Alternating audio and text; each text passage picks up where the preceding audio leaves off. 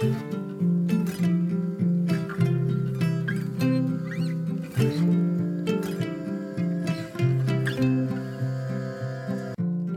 och välkommen till For Health med Anna Sparre!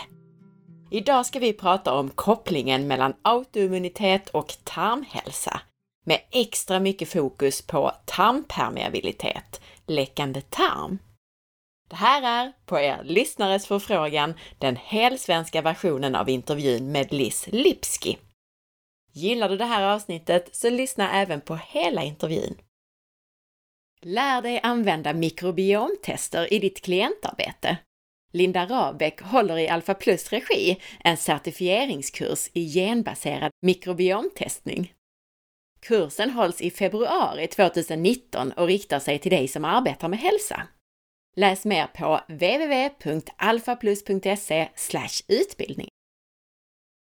Det bästa från poddarna finns nu i skriftligt format som e-böcker. Böckerna om kost, rörelse respektive om livsstil lanserades för ett par veckor sedan.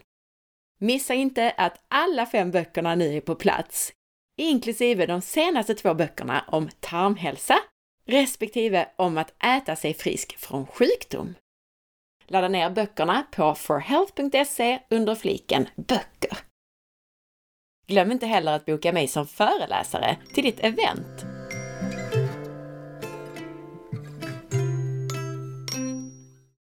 Liz berättar att hon har doktorerat i klinisk nutrition och att hon i unga år intresserade sig för örtmedicin, vilket ledde henne till grundarna av IFM och funktionsmedicin. Redan på 90-talet så deltog Liz i konferenser där hon fick möjlighet att lära sig om matsmältningssystemet, läckande tarm och dysbios från pionjärerna på ämnet. På den tiden var det ingen som pratade om de här sakerna Eftersom det fanns så lite att läsa på ämnet så började Liz själv skriva böcker om det. Och patienter började söka upp henne på grund av hennes kunskap om just matsmältningsrelaterade besvär.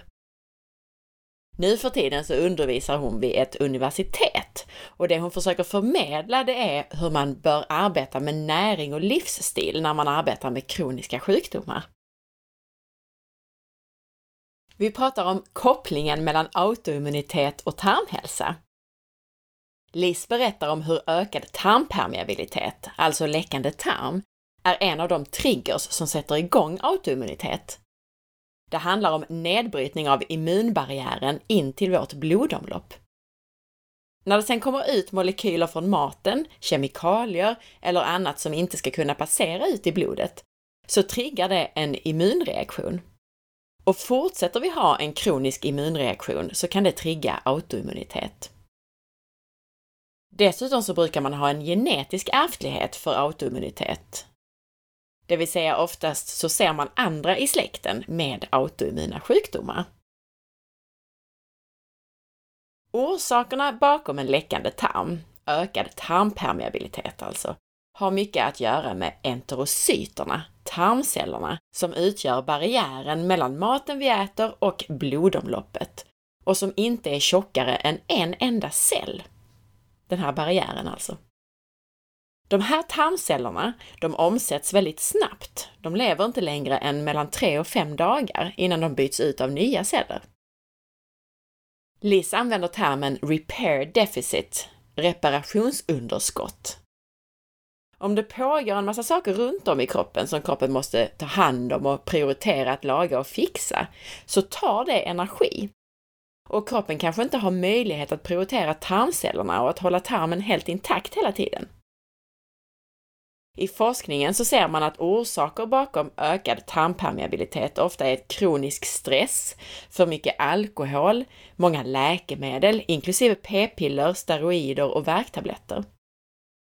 Det här är saker som gör att de här enterocyterna, de här tarmcellerna, att de inte reparerar och lagar sig som de ska. Kroppen hinner helt enkelt inte med Tillsatser och olika kemikalier kan ofta vara irriterande för tarmen och även infektioner kan öka tarmpermeabiliteten. Liz berättar också om att man ser läckande tarm i just personer med autoimmunitet, men också i personer med autism. Glyfosat, alltså bekämpningsmedlet Roundup, och en del andra bekämpningsmedel kan också bidra till läckande tarm. Så det handlar dels om att kroppen inte har energi över till att underhålla tarmen och hålla den hel. Och också om att vi utsätter tarmen för ämnen som kan irritera och inflammera den. Och just vid inflammation så blir det en svullnad, vilket också kan göra att det som kallas för tight junctions, alltså de täta fogar där tarmcellerna sitter ihop, alltså mellan alla celler. De här tight junctions de kan öppnas upp av själva svullnaden som en inflammation innebär. Och det kan göra att molekyler slinker igenom och ut i blodet. Och det kan vara molekyler från maten, det kan vara bakterier och så vidare, saker som immunförsvaret kan reagera på. Andra saker som kan öppna upp de här tight junctions, det är gluten i personer med glutenintolerans och det som kallas för LPS från SIBO-infektioner, alltså från bakterier. Båda de här sakerna påverkar nämligen det här ämnet som kallas för sonulin, vilket kan öppna de här tight junctions. Tunntarmens barriär är väldigt viktig i att reglera så att det kroppen vill ta upp som olika näringsämnen, det tas upp som det ska och så att det som inte ska finnas i kroppen hindras från att tas upp. Och det är det som gör att det här med läckande tarm har en så betydande funktion i förloppet med autoimmunitet. Liz betonar också det jag ofta tar upp, eh, kopplingen mellan olika autoimmuna sjukdomar. Att en person som får en autoimmun sjukdom med hög sannolikhet får flera autoimmuna sjukdomar om de inte tar hand om och adresserar orsaken bakom den. Själv brukar jag gå så långt att jag ibland kallar autoimmunitet för en enda sjukdom som kan ha olika utlopp. Hur läker man då en läckande tarm? Ja, i första hand så måste vi ju titta på orsakerna bakom den. Är det en infektion som till exempel SIBO, gästsvampöverväxt eller parasiter, så behandla infektionen. Ta hand om stress, titta på kosten och städa upp den. Ät en antiinflammatorisk kost som också är låg i immunprovocerande ämnen. De tre livsmedelskategorier som brukar vara mest triggande för immunförsvaret är gluteninnehållande gryn, mejeriprodukter och ägg. Ofta så måste ännu mer elimineras, men när man har läkt ut tarmen så kan många återinföra mycket av de livsmedel som de uteslutit igen. Du behöver säkerställa att du inte äter livsmedel som irriterar tarmen när du ska läka den. När det gäller tillskott för att läka tarmen så har vi först och främst L-glutamin. Glutamin, aminosyran, det är det bränsle som cellerna i tunntarmen föredrar och det kan därför hjälpa till att läka tarmen. Lis använder glutamin i ganska stora doser, mellan 5 och 30 gram dagligen. Och hon tipsar om att röra ut det i dricksvattnet så att man får en mer kontinuerlig tillförsel, alltså att man går och dricker lite av det hela dagen. Kolostrum är ett annat tillskott som kan hjälpa. Trots att det är en mejeriprodukt så gör det i de flesta fall mer nytta än skada. Det finns ett antal andra växtbaserade tillskott som kan hjälpa till att läka tarmen. Aloe vera till exempel. Fettlösliga vitaminer är också viktiga för att läka tarmen, inte minst A-vitamin. Och en parentes från mig.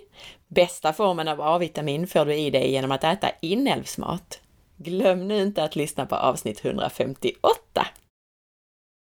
Zink är ett viktigt mineral för tarmen och för att läka den. Äkta benbuljong kan också hjälpa till att läka tarmen, bland annat på grund av dess innehåll av glukosamin. Det är också viktigt att bygga upp sin motståndskraft i allmänhet och att se över hela livsstilen, inte minst sömnen. Se till att få tillräckligt med sömn, se över stressfaktorer i allmänhet, som hur du bor och arbetar och dina relationer till exempel. Kan man reversera och bota autoimmuna sjukdomar? Ja, i många fall.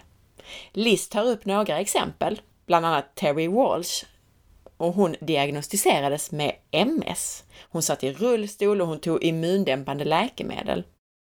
Men så ändrade hon sin kost radikalt, hon tog en del tillskott med mera och idag är hon frisk. Sjukdomen finns där i bakgrunden, men den ger inte symptom så länge hon lever på rätt sätt. Om man är villig att göra stora förändringar och särskilt om man fångar upp sjukdomen i ett tidigt skede så finns det många som kan reversera sin autoimmuna sjukdom. Alla kommer inte att bli helt friska, men nästan alla kan bli mycket bättre. När Liz kommer till Sverige i oktober för att hålla en utbildning så kommer det att bli en djupdykning i matsmältningssystemet. Och så kommer du att få lära dig mycket om just autoimmunitet och relationen mellan tarm och autoimmunitet. Det blir utbildning om skillnaden mellan allergier, känslighet och intoleranser. Det kommer att handla om hälsotester, elimineringskost och hur man använder den funktionsmedicinska matrisen när man arbetar med en klient. Olika sorters kost, prebiotika, mikrobiomet och mycket annat. Dessutom blir det utbildning om kopplingen mellan tarm och hjärna och neurologiska besvär. Liz hittar du via universitetet där hon arbetar. Hemsidan heter muih.edu. Du hittar henne även via innovativehealing.com. Avslutningsvis betonar Liz att man vid komplexa hälsobesvär alltid måste börja med tarmen och att man alltid måste börja med grunderna. Får du mellan 7 och 9 timmars sömn var natt? Lever du ett lyckligt liv? Äter du mat som gör dig väl? Vilka är dina stressorer? Hur slappnar du av? Har du personer i ditt liv som du bryr dig om? Detta är faktorerna som håller oss alla vid bättre hälsa. Grundorsakerna hittar du i din livsstil och i din tarmhälsa.